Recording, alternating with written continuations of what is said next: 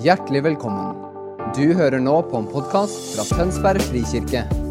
Talen er tatt opp på vår gudstjeneste søndag på Brygga i Tønsberg.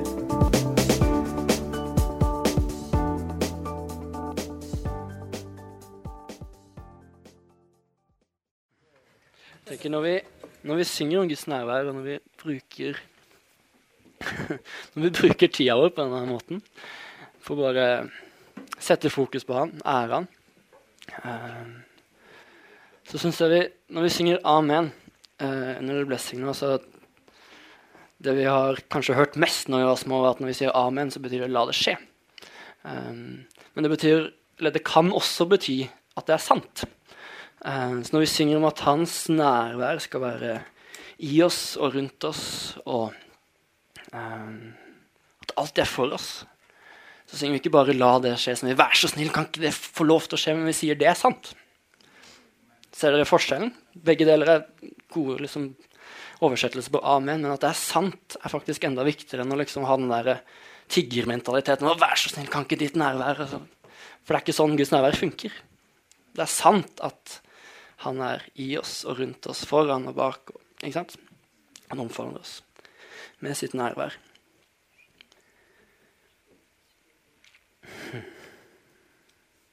Ja. Jeg er så takknemlig for å få lov til å være en del av dette fellesskapet. hvor vi på en måte gjør det så enkelt som det her, bruker tida i, lovsang tilbedelse. Ikke fordi musikk er så fint, men fordi Gud er så bra. Han er verdt å slutte å snakke rundt og om, men å faktisk bare bruke tid med han.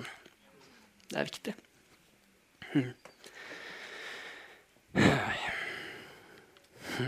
Denne sommeren her så har jeg hatt et sånn Jeg har hatt litt ferie. Eh, vi har vært litt sånn rundt omkring, vært på litt konferanser. Eh, vi har pussa opp en leilighet, sånn, så det har vært litt mye å gjøre, men vi har hatt litt ferie. Og i den ferien så har jeg fått lov til å bruke tida på noe jeg syns er veldig gøy, og det er å snekre. Så jeg har hatt et lite byggeprosjekt eh, hjemme i skogen hjemme hos mamma og pappa. Eh, de bor nede på, på Sørlandet, på utsida av Risør, eh, helt nede ved sjøen. Og så har de sånn, en liten sånn eikeskog bak seg. Og i den eikeskogen så bygde jeg og bestefaren min, som bygde det huset for en god år tilbake, vi bygde en sånn trehytte oppi et tre. Eh, det var veldig gøy, sånn, veldig fint barndomsminne. Vi bygde en trehytte som jeg liksom husker tilbake på. Oi, det var skikkelig fint. Når jeg tenker på bestefaren min, så tenker jeg ofte på det. den hytta har stått der da i snart 20 år. Uh, og er nå sånn ganske råtten og dårlig. Liksom, alle barnebarn har fått sin runde med snekring, og når barn snekrer, så blir det litt sånn hist og pist. Uh, det, den faller nesten sammen, men den henger òg liksom, akkurat sammen oppi et tre. Um, og jeg har fått for meg at jeg hadde veldig lyst til å pusse opp denne hytta, fordi jeg syns det er sykt deilig når jeg kommer hjem til mamma og pappa og får hvile, slappe av og få ja, skikkelig påfyll. Så jeg tenkte å bygge et sånn lite Uh, lite tilfluktssted inne i skogen der hvor jeg kan sitte og lese, skrive, bruke alenetid. Kanskje ta med meg en kopp kaffe fra kjøkkenet og sette meg der inne i skogen. Så bygger jeg en sånn vindusvegg så jeg ser inn bare på en sånn liten idyllisk eikeskog hvor sola strekker seg inn. Uh, det er blåbærlyng overalt. Det er skikkelig, skikkelig fint. Uh, så jeg har begynt å bygge den veggen med masse vinduer. Jeg har lagt tak.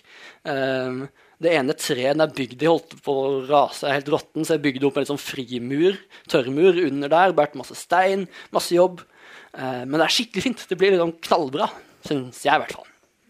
Eh, men for Frida, kona mi, og kanskje også mamma og pappa nå hjemme, at jeg er inne i den skogen i Ja, jeg var hjemme nesten to uker. Jeg var inne i den skogen et par timer nesten hver dag. Eh, bare fordi det er skikkelig gøy og fint, og det, er, det, det blir så bra. sant? Men for de så ser det ganske rart ut. At jeg gidder å være inne der, blir svett og varm. Jeg har så mange myggestikk. uh, og det ser liksom relativt dumt ut. Um,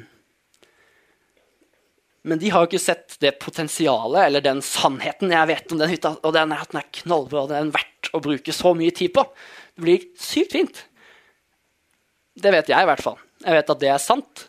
For jeg har fått et glimt av at det er skikkelig fint i denne skogen. fint å sitte der og slappe av og lese. Um, men de har ikke den erfaringa, uh, og de handler ikke som om det er sant. Uh, og utenfra så er det kanskje ikke, heller, heller, ikke sant. Den hytta er jo gammel og sliten, liksom. Um, men jeg handler som om det er sant nå. fordi den kommer til å bli veldig fin der framme. Skjønner dere hva, hva det handler om? Sånn, vi, vet at vi, vi, har ofte sånne prosjekter. Det, det er ikke nødvendigvis bare sånn snekring, men det kan være et treningsprosjekt. Jeg vet at det er sykt Det er så mye mestringer å løpe et maraton. Men det er dritt å jogge. og det er slitsomt. Men jeg gjør det fordi målet der fremme er verdt det. Den sannheten som er der fremme, den handler jeg som at den er sann nå. For å komme meg dit. Uh, og det er noen sånne altså, Disse prosjektene er litt sånn litt banale, kanskje. Det er veldig hverdagslig. Og, men jeg tror, jeg tror, vi kjenner oss igjen i det. sant? Det kan være trening, det kan være snekring, det kan være barneoppdragelse. Eller bygge et ekteskap. Det er ikke alltid det er kjempelett og kjempefint, men jeg vet at idealet eh, og målet der framme er verdt det. Og det er kjempebra. Um, og Vi skal starte dette semesteret her med å snakke om Guds nærvær, som er en av våre kjernekulturer i menigheten. Vi har uh, Dette her er eh, altså kulturkartet vårt, eller visjonskart. Eh, og det er rett, og slett en sånn eh, pekepinn på hva er det egentlig vi går etter, hva er det vi gjør, og hva er det vi vil gjøre mer av. Uh, og Guds nærvær sammen med Guds ord er våre to kjernekulturer. Eh, Morten eh, underviste om Guds ord for oss eh, like før sommeren som den første kjernekulturen. og nå de neste par ukene skal vi snakke om Guds nærvær som en kjernekultur. Um, grunnen til at jeg bruker dette hyttebildet aller først, er at jeg tror den invitasjonen Bibelen gir oss som etterfølger av Jesus, til hans nærvær, det er litt som et sånt prosjekt. sant? Fordi vi vet at Guds nærvær er her, sånn som vi synger, og vi sier amen. Det er sant. Men det er ikke alltid vi erfarer det, det er ikke alltid vi kjenner det. Men vi er ment og invitert til å leve ut, handle, praktisere Guds nærvær nå. Uavhengig av erfaring, uavhengig av eh, hvordan det føles eller de omstendighetene vi står i. For det er en virkelighet der framme som er kommet hit nå. Og det er den vi skal prøve så godt vi kan å leve i. Og Det er der vi har vår kilde. Salme 86 så står det at alle mine kilder er i, i ham, i deg. Og det gjelder ikke bare oss, men det gjelder faktisk alt og alle. Sånn som vi leste Paulus sier i apostelgjerningene 17. Um, ehm, når vi skal snakke om Guds nærvær, så uh, har vi delt det opp i tre, tre ulike kategorier eller temaer. på en måte. Uh, ikke fordi det er så ekstremt tydelige skillelinjer i hans nærvær, men egentlig for å hjelpe oss å skjønne og forstå og få innsikt, uh, sånn at vi lettere kan omfavne og leve i den virkeligheten. Ja, de tre, tre begrepene um, har vi kalt Eller ja, det, det, kalles omnipresens. Det skal vi snakke om i dag. Det er Guds allestedsnærværende nærvær. At Gud er til stede overalt, til alle tider i sin skapelse. Det er det vi skal fokusere på i dag. Og så er de to andre um, Jeg husker ikke om det her er tittelen Morten har brukt på det, men det her er min. Det er tempelnærvær. Um, at Gud alltid er til stede i sitt tempel. Tempel er lang sånn linje gjennom boka her. handler veldig mye om templer. Vi har en hage som er et tempel. Og så har vi et folk som er et tempel, som henger et telt. Det er et tempel. Og så går linja hele veien helt fram til én mann. Det er Jesus. Og han sier at det er et steintempel der, det river vi ned. Eh, og så skal jeg bygge det opp på tre dager, og så blir han et tempel. Og alle vi som tror et tempel, som Paulus snakker om. Eh, så tempelnærvær er at Gud bor i sitt tempel, i sin kirke, i Jesu kropp, i oss. Og så, skal vi snakke til slutt om det manifesterte nærværet. Og det er den skumle, heftige greia som vi har gitt til Øyvind. Han kan ta den. Den er veldig fin. Er, da snakker vi om Guds personlige nærvær, som er særegent til stede. Han er alltid nær, uansett, uavhengig av hvordan alt oppleves eller ser ut. Men så er han òg særegent til stede til noen tidspunkt, til noen tider, og på noen steder.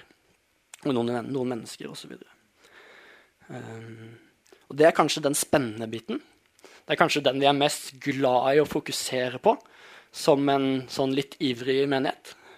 Eh, men jeg tror det er viktig at vi får med oss hele bildet av Guds nærvær. Uh, for at vi skal forstå uh, og kunne leve i og følge etter denne Jesus som vi har sagt ja til. Når jeg starter nå, så kommer jeg til å um, ja, legge ut kanskje mest det vi kan kalle for bibelteologisk nærvær.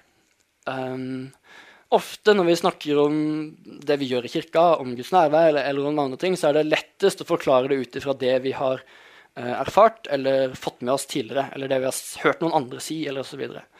Uh, og det er ofte litt lettere òg. Liksom, ja, Guds nærvær er sant når jeg får gåsehud, eller uh, når, når, mennesker tilber. Da er Gud der. det står.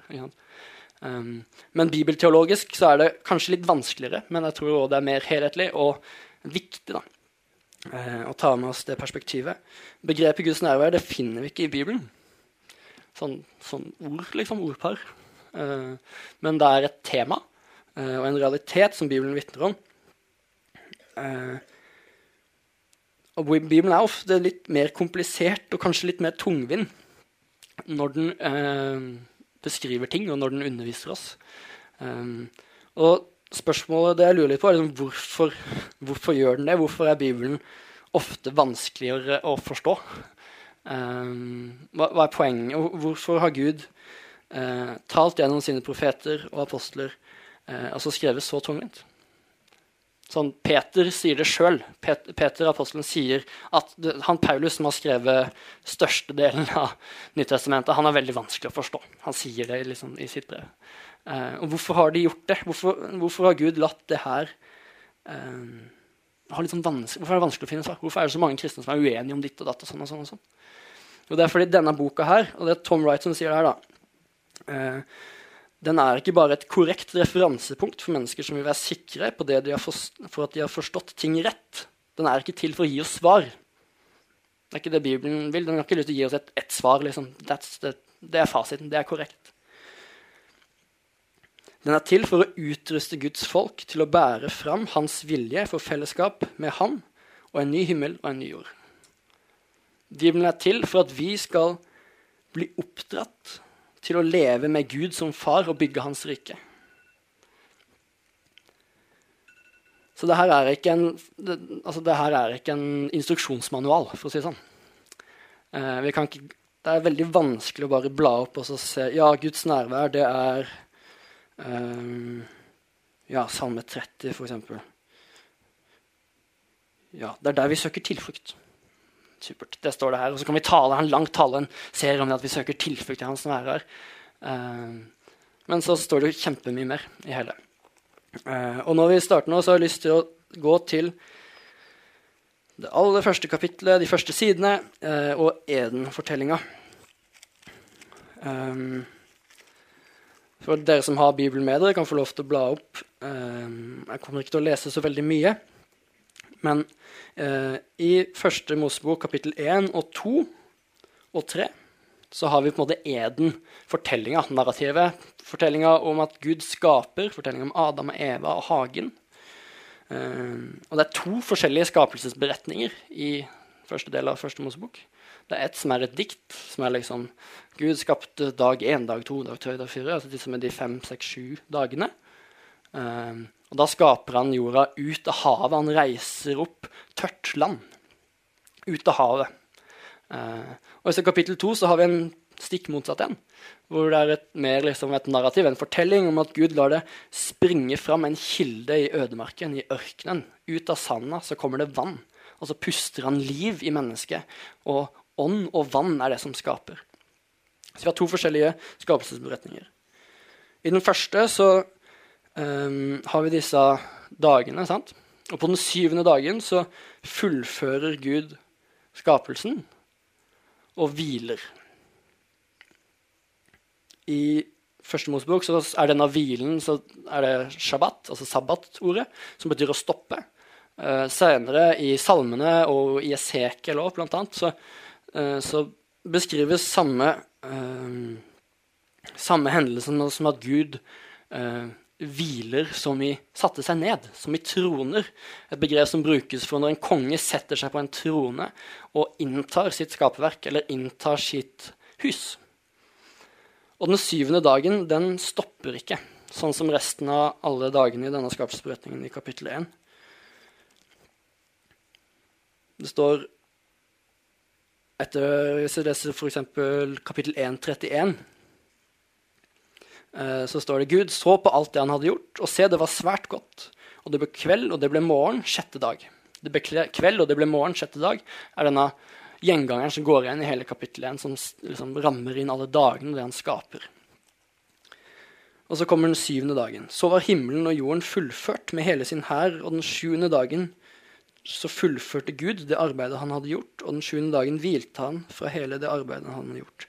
Gud velsignet den sjuende dagen og helliget den, for den dagen hvilte han fra hele sitt arbeid, det som Gud hadde gjort da han skapte. Så dette diktet som er ramma inn i ulike deler av denne frasen 'det ble kveld, det ble morgen', stopper med en åpen slutt. Og tallet sju blir et sånn symbolsk tall som går igjen gjennom hele Bibelen som tallet på fullkommenhet, at noe er hellig, at noe er komplett og idealistisk. på en måte. Så denne skapelsesberetningen hvor Gud skaper verden, så flytter han inn i huset sitt, og så starter fortellinga, liksom. Så Bibelen gir oss en sånn template, på en måte en uh, hva er det norske ordet?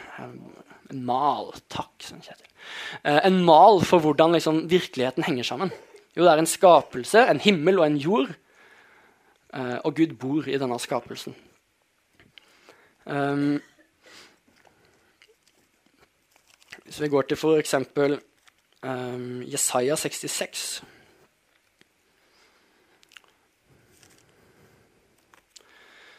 I vers 1 så står det Så sier Herren, himmelen er min trone, og jorden er min fotskammel. Hva slags hus kan dere bygge for meg? Hvor er stedet der jeg kan hvile? Det er veldig gøy når profetene skildrer Guds stemme som ironisk. Jeg syns Guds ironi er litt sånn gøyal. Sånn. Jeg bor i hele skapelsen. Himmelen, der sitter jeg. Jorda sånn. Alt fylles av meg. Og så har dere tenkt å bygge hus. For jeg skal bo der. Nei, Gud han fyller hele skapelsen. Og Vi ser også i salmene hvor vi har de gøye bildene hvor liksom trærne priser Gud og taler om Guds herlighet. Fjellene jubler. Hele skapelsen taler om Guds storhet. Og Vi har flere og flere, altså vi har mange av de her bildene hvor vi, hvor vi ser på liksom kosmos, universet, hele skapelsen, eh, og Guds forhold til den er at Gud er allestedsnærværende. Han er i hele skapelsen til enhver tid. Det dukker på en måte opp sånn, med noen sånne hint stadig vekk. Um, sånn som i Jesaja 66 der, og sånn på den sjuende dagen i skapelsesberetningen. Uh, og vi ser det f.eks. i Romerne 1. Um, Romerne 1 og 2. Der er, det, det er jo ikke kjempehyggelig lesning. Paulus er ganske harsh. Han er litt uh, spiss mot uh, alle. Både jøder og hedninger, alle sammen. Ingen er innafor, liksom. Uh, alle har gjort gærent. Alle er syndere. Og når han sier dette om hedningene For hedningene har aldri hørt noe om Gud, de har aldri lest loven. hvordan kan de ha liksom forlatt Gud? De har aldri vært med Gud. er ofte måten man tenker på da. Men Paulus sier at jo, de har sett Guds storhet rundt seg. De har sett Guds storhet i skapverket.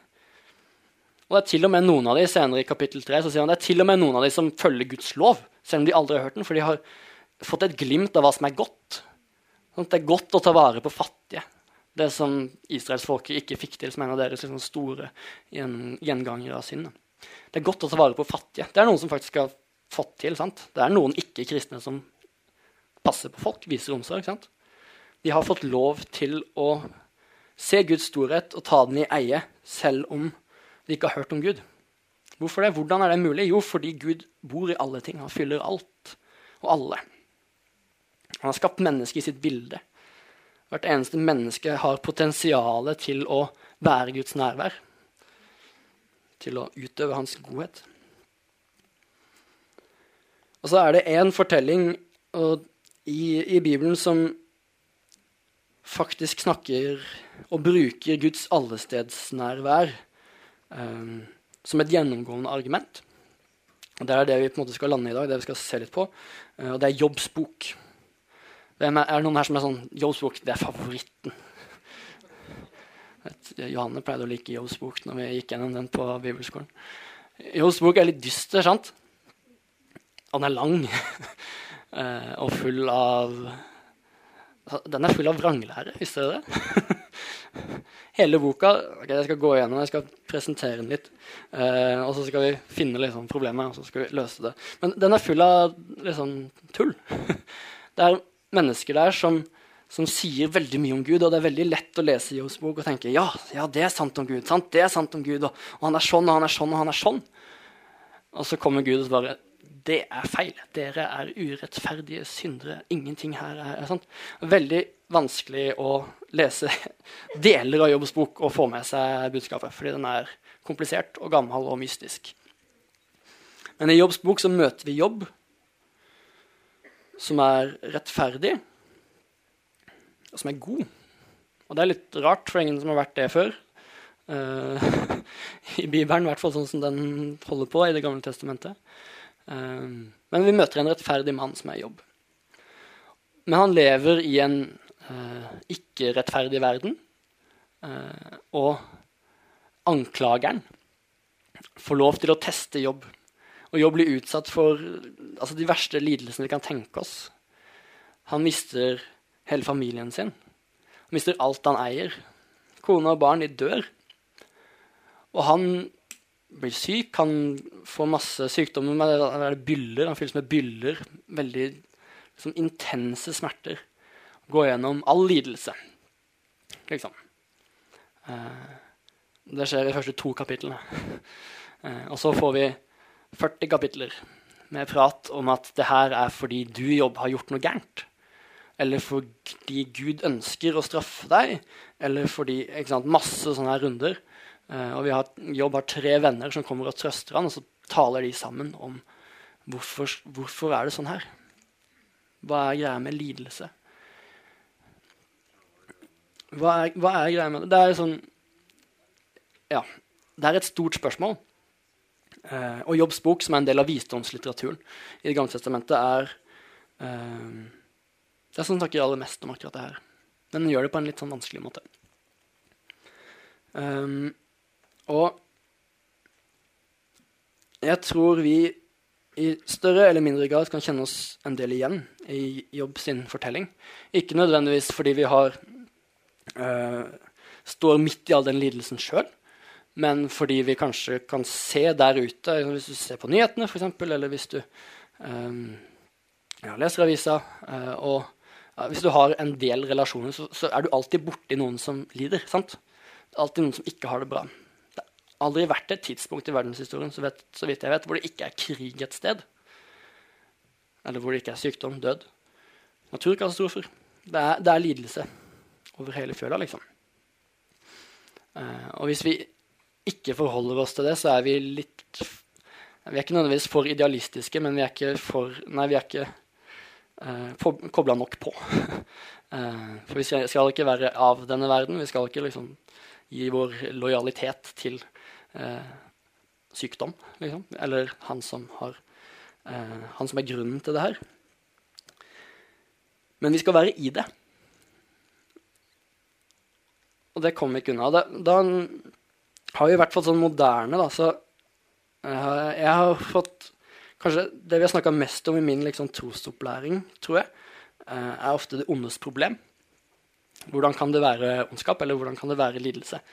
Um, når Gud er god. Den kjenner vi. Alle har hørt det enten på en eller annen debatt, sånn trosforsvarsgreie, eh, og vi har hatt det på konfirmantundervisninga, og vi har lest noen bøker om det. Jeg hadde en eksamensoppgave om det på studiet nå. Det, det er et tema som vi snakker veldig masse om. Men det er et veldig moderne tema, og det er veldig nytt sånn i verdenshistorien hvor vi sliter så mye med det spørsmålet. Bibelen har svaret, og vi skal komme til det. Men jeg vil bare presentere litt for oss da, det som ofte er utfordringa. Uh, og at det er et større problem enn bare det ondes problem og lidelse.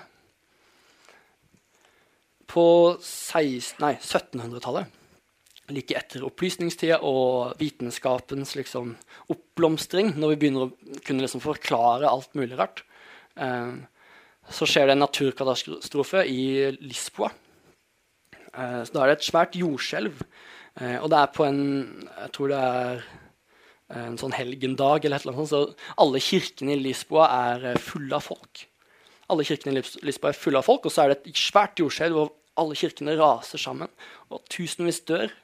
Og de som rømmer ut i ja, frykt og redsel, rømmer ned til havna eh, nede ved sjøen. Og der blir de møtt av en svær flodbølge som kommer innover land og tar med seg alle sammen. Sånn ekstrem, liksom, ekstrem naturkatastrofe. Eh, og midt i det så er det veldig vanskelig å tenke ja, Gud er god, vi var jo i kirka. Hvordan i alle dager kan det her skje?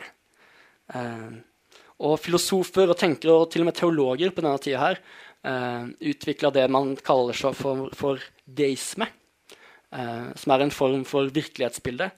Um, og det kan forklares litt sånn som det er at her nede på jorda, her er vi, og vi er arbeiderne. Uh, vi gjør så godt vi kan. Det er litt kaos innimellom. Og Gud, han er sjef. Han sitter oppe i himmelen. Han er sjef, han sitter på øvre sal, uh, og det virker ikke som han har så veldig god kontroll her nede. For det er jo masse gærent som foregår. Vi hadde dette jordskjelvet, vi hadde denne flodbølgen. Gud virker å være en veldig dårlig sjef. Fordi han sitter bare der og er inaktiv, og vi sitter her nede og gjør så godt vi kan. Det er akkurat det samme som Jobbs bok. Et av deres, liksom. Jeg tror det her er virkeligheten. ass. Jeg tror Gud har forlatt oss her nede. Han sitter der oppe. Og så blir liksom den kristne liksom vrien på det, hvor vi prøver å hente inn evangeliet, er at det går bra til slutt. Når vi dør, så kommer vi til himmelen. Det er liksom jeg håp, men det er lidelse nå. Dette bildet hvor Gud er i himmelen og vi er her nede, er et deistisk verdensbilde. Og det er ikke det verdensbildet Bibelen presenterer for oss. For Gud er i alle ting. Han er i hele skapelsen, som jeg snakka om. Um, og jeg tror vi bevisst eller ubevisst har et, en eller annen slags form, eller vi har, i hvert fall blitt gitt en sånn form for verdensbilde. Uh, jeg i hvert fall kan kjenne meg igjen i det sjøl i, i, kirka når jeg vokste opp. Jeg vokste opp i kirke i alle år. Men tanken om at Gud er der, og jeg er her, og så får jeg be og håpe at han kanskje gjør noe, men det, det er egentlig liksom er jeg for, er for å komme til himmelen etterpå. liksom. Uh, og så Hvis du har lest enda litt mer Bibel, så vet du at han skal fikse alt til slutt. Hele jorda skal bli bra til slutt. liksom. Men per nå uh, så må vi bare vente. Han er sjef, han har sin greie, og så får vi bare Det er det deistiske verdensbildet. Men det er ikke et bibelsk verdensbilde. Og den virkeligheten som Bibelen gir oss, er at himmel og jord sameksisterer. Der Gud regjerer, der Gud er, og der vi er, sameksisterer. Og Når vi ser Jesus gå rundt i evangeliene, så sier han at Guds rike er nær. Og det er som om en virkelighet som er til stede til enhver tid, som han presenterer og inventerer folk inn i. Til enhver tid. Guds rike er kommet nær, vend dere derfor om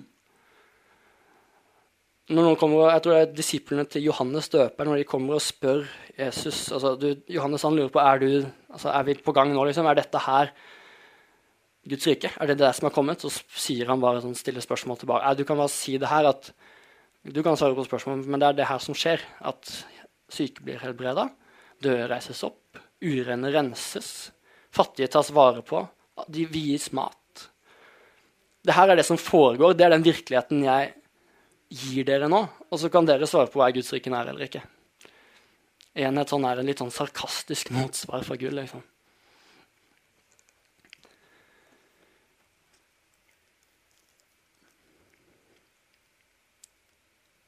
Anklagerne i Jobbs bok og vår anklage til Gud i møte med ondskap er er ofte en sånn um, ja, nei, da var det kanskje sånn det skulle være. Men det går bra til slutt. Var det min feil? Var det hans feil? Var lovsangen dårlig, var det derfor jeg ikke kjente det nå? Den preken var litt for utfordrende, så nei. Det har noe med oss å gjøre. Og Gud er ikke til stede. Og så blir det en sånn veldig sånn strevsom samtale med Gud. Og vi strever ofte i det vi møter en utfordrende hverdag, eller i det vi møter lidelse. og vi anklager Gud. Men det Jesus sier, og det Bibelen presenterer for oss, er at Gud er alle steder til alle tider. Og Guds rike er nær. Og det er en virkelighet som, som vi inviteres til å være en del av. Uh, og jeg, et, En historie som er litt sånn her blir nærværkonseptene blanda, men et, vitnesbyrd fra i sommer hvor vi var på videre sommerstevne til Frikirka nasjonalt. Um, hvor vi var nede med et lovsangsteam herfra, leda lovsang. Uh, Morten talte på et møte, Frida leda et møte, og vi var i tjeneste der nede. Og så siste dagen på søndagstjenesten så kommer en kommer en sånn veldig overivrig dame bort til meg og liksom hei, hei, og jeg er litt sånn sliten etter en lang for, nei, lang uke på festival. Og så bare, ja, hei. Uh, 'Tusen takk for bra lovsang, og Frida, du leda møtet bra. Det var kjempefint.' og sånn og sånn. Jeg ville bare si at når vi var på møte på torsdag, tror jeg, så, bare, så sto jeg i lovsang, og så plutselig så ble øret mitt helbreda at, For du går på den sida der, og jeg, hører, jeg hørte aldri noen ting på venstre øre. Men jeg bare sto der, og så plutselig så var det masse lyd. Jeg måtte ta ut den her. Jeg hadde en sånn ja, propp i det øret for å liksom ikke bli svimmel. og sånn. Så tok hun den ut, så plutselig var det masse lyd, og så plutselig kunne hun høre. Det var ingen som ba.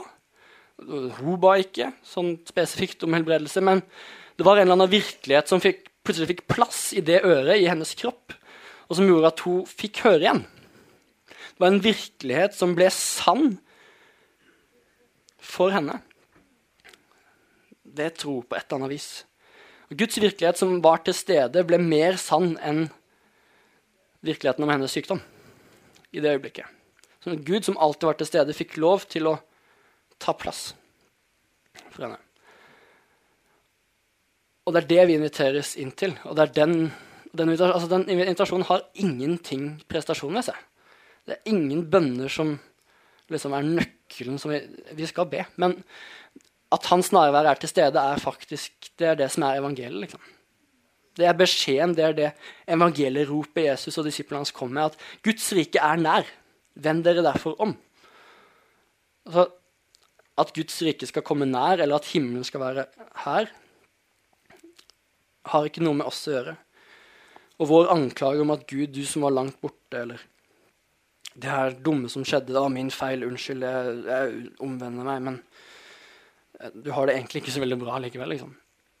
Den, den svinner hen. Uh, og jeg har lyst til å lese um, Jobbs svar til Gud. Um, for etter nesten 40 kapitler med klaging og uh, dårlige argumenter imot Gud, uh, så svarer Gud og sier du, var du til stede når jeg skapte? Er du til stede når alle dyrene trenger mat? Jager du bytte for løvinnen, gir du løvene ungene mat der de kryper ned i hulene sine? Eller var det din forstand som lærte falken å fly? Er det du som liksom gjør alle de tinga? Nei, det er ikke det. Og så svarer Jobb så utrolig fint til slutt, da. I Jobb 42 vers 1-6 så står det Da svarte Jobb Herren og sa, Jeg vet at du makter alt. Ingenting er umulig for deg når du vil det. Hvem skjuler din plan med uforstand? For jeg har talt uten å forstå om det som er så underfullt at jeg ikke fatter det.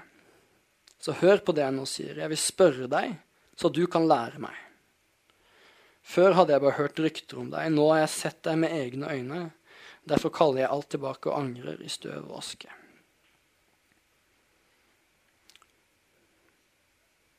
Jobb midt i sin lidelse og sin tvil blir møtt av Gud for en åpenbaring av hans allestedsnærværende nærvær. Og det blir hans vitnesbyrd som får han til å vende om og si at han har mer kontroll og han har mer svar. Og han er mer sann enn Jobbs erfaring av virkeligheten. Hans virkelighet er det Jobb vender seg om til. Det som er så kult når Jobb gjør det, er at han får uh, Ja, han får en forbønnsrolle over det som ga han tvil. Han får lov til å be for, gjennom gjennombrudd for vennene hans som hadde anklaga han og anklaga Gud. Det som skaper tvil i oss, om det er sykdom, om det er ødeleggelse, eller om det er å se de i Tønsberg som bor på gata? Hva, sånn. Tenk at det skjer midt iblant oss. Vi driver med kirke, og Gud er her, men sant? Det kan få meg til å tvile innimellom. Men når jeg ser Guds allestedsnærværende nærvær i den enkelte som er der ute og tigger, som er sulten og som trenger helbredelse Når jeg ser Guds virkelighet for han, så får jeg faktisk tro som overvinner den, det som allerede som pleide å gi meg tvil. Og vi blir invitert inn til et sånt prosjekt hvor vi får lov til å søke Guds virkelighet og hans nærvær, hans sannhet. Eh, og be gjennom etterjage den virkeligheten mer enn den virkeligheten som, som ikke er sann. For en dag så skal alt kaos, hele havet, som er det bibelske bildet på kaos og mørke Kaoset, mørket, sykdommen, døden. Det skal svinne hen. Og det er den virkeligheten vi er invitert til å bli en del av nå. Fordi Guds rike er nå nært, men ennå ikke fullkomment. Jeg har lyst til å uh, invitere oss til en til å be litt sammen. Eh, Håkon og låseren kan få lov til å komme opp. Men hvis du har en erfaring, det kan være fra i sommer eller det kan være noe tidligere i livet, som har skapt tvil, et, en erfaring av lidelse, en erfaring av ondskap Det kan være ensomhet, det kan være sykdom, det kan være urettferdighet på så utrolig mange forskjellige måter. Som har skapt tvil, som har fått deg til å liksom Ja, ja, det problemet der, det får Gud ta liksom, når han kommer tilbake. Hvis du har en sånn erfaring, så har jeg lyst til at vi kan Hvis alle sammen, hvis vi reiser oss før vi lovsynger litt igjen også, Hvis du har den erfaringen, har en, en opplevelse av at liksom, det er noe urettferdighet som, som har skapt avstand, som har skapt tvil i mitt hjerte. Eh, en virkelighet som ikke er god, som jeg har akseptert. Hvis det er din erfaring, så kan du få lov til å rekke opp en hånd. Og det er sånne frimodige ting som alltid er litt sånn, og det er utfordrende. Men uh, hvis du kjenner det, så kan du få lov til å rekke opp en hånd. Så vil jeg at de som, som står rundt, skal legge en hånd på, og så kan vi be sammen. Jeg har lyst til å be en bønn. Uh, ja, sammen med dere.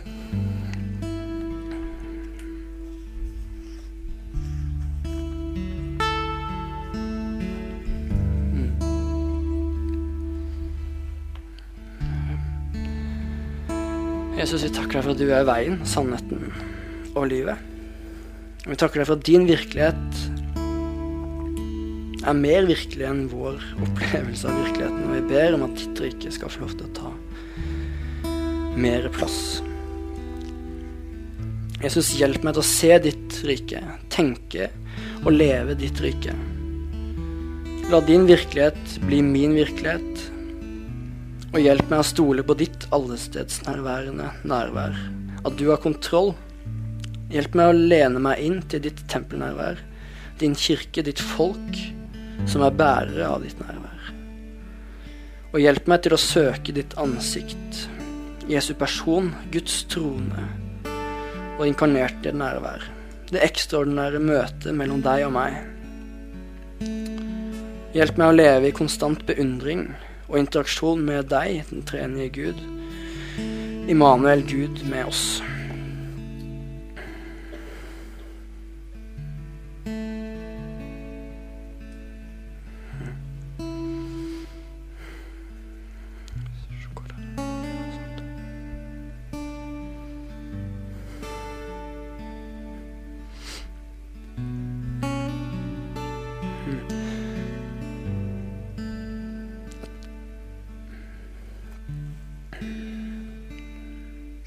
Har lyst til å betjene litt. Jeg lurer på om det er noen her spesifikt som har en ja, noen i nær familie, søster eller bror, som, eh, som har det veldig lite bra.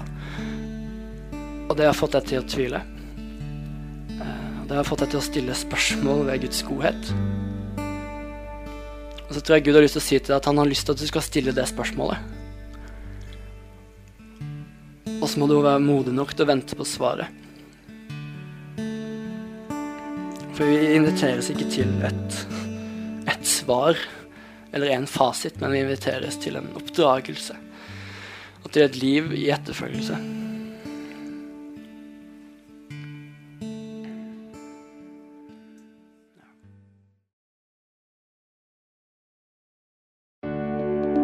Takk for at du hørte på vår podkast. Har du spørsmål eller ønsker du å vite mer? Søk oss på vår nettside tonsbergfrikirke.no. Du er også velkommen til kirke på Brygga i Tønsberg.